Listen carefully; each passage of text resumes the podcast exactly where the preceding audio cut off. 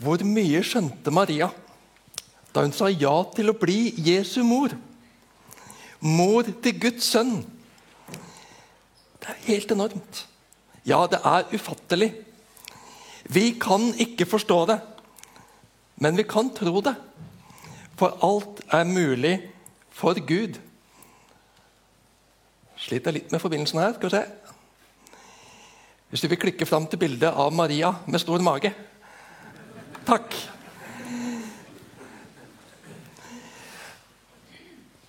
Hvor mange tenåringsjenter har vi i Misjonshuset i dag? Opp med en hånd. Ja, det er noen som prøver å påberede å være tenåringsjenter der, men det er noen ekte tenåringsjenter der også. Ja. Og så har vi hatt ei på scenen her. og vi, vi lever i 2022. Her er det meste lov. Her er det meste greit. Men likevel Ei jente på kanskje 15-16 år som blir gravid Det hadde fått oppmerksomhet. Det, hun hadde nok fått noen blikk. Og kanskje hadde hun også fått noen kommentarer og slengbemerkninger. Hun der er billig. Hvem er det som har smelt deg på tjukka? Du kunne i det minste brukt prevensjon. Det var ikke lettere for 2000 år siden. Ei jente som ble gravid Ei jente som ble gravid utenfor ekteskapet, kunne risikere å bli steina til døde. Det betyr å bli kasta så store og harde steiner på at hun til slutt døde av det. Helt forferdelig.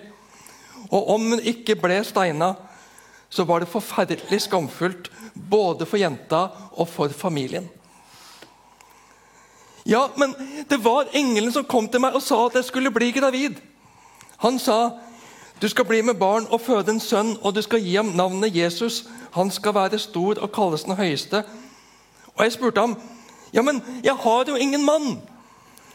Jeg har ikke vært sammen med noen. Jeg har ikke ligget med noen og vil ikke gjøre det før jeg er gift heller.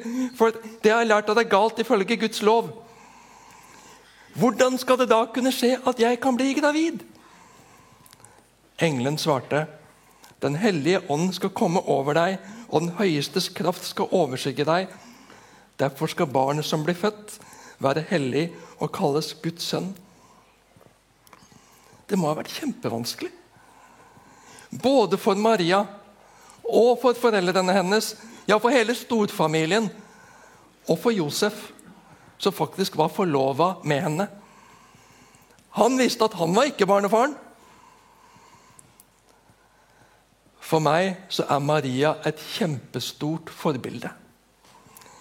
Jeg vil ikke kalle henne et idol, for det betyr egentlig avgud. Men Maria skal absolutt få være av største, en av de største influenserne i verden. Ikke det at folk skal begynne å si at de har fått englebesøk hvis de blir gravide før de er gift. Men i hvordan hun stolte på Gud. Tok Gud på alvor og sa ja til å tjene ham. Selv om det kostet henne vanvittig. Det kostet henne kjempemasse. Var det noen som trodde Maria da hun fortalte om englebesøket? At det var Guds sønn som vokste i magen hennes? Jeg tror ikke det var så mange. Nesten ingen. Ikke Josef heller. Ikke før han fikk en drøm fra Gud om at det var sant, det Maria sa, at han ikke skulle være redd. Da trodde han at det Maria sa, var sant. Og han lot folk flest tro at det var han som var barnefar, og tok skammen med det da de ikke var gift ennå. Folk flest de ville ikke tro noe annet. Og de var rimelig stygge med Maria og Josef. Men Maria og Josef de holdt ut. De ga ikke opp. De stolte på Gud. Og gjennom dem fikk Gud gjøre store ting. Gjennom Maria fikk Gud gi verden håp. Sannheten er at uten at Jesus hadde blitt født, Uten at Jesus hadde dødd på korset og betalt for din og min synd, da hadde vi vært fortapt. Da hadde vi ikke hatt noe håp. Da hadde vi ikke hatt noen himmel i vente. Da hadde himmelen vært stengt. Maria fikk være med på noe veldig stort. Hun fikk være et redskap for å bringe frelse til verdens mennesker. Snakke om influenser. Maria valgte å ikke la venner og naboers blikk og kommentarer styre henne. Hun valgte å stole på Gud.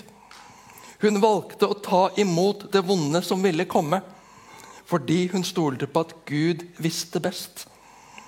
Gud ville være med henne gjennom det vonde og vanskelige. Det skal vi få lov til å lære av.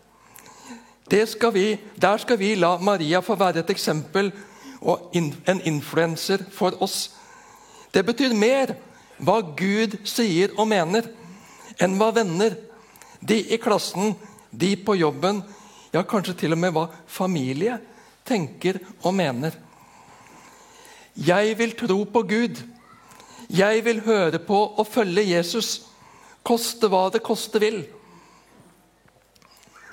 Da kan du og jeg også fort bli noen gode influensere og eksempler som kan være med å lede mennesker til Jesus. Til håp, til frelse, til evig liv med Gud. Maria var ei vanvittig modig tenåringsjente. Og Gud sviktet henne ikke. Gud vil heller ikke svikte deg om du vil stole på ham og følge ham. Gud svikter aldri. Amen.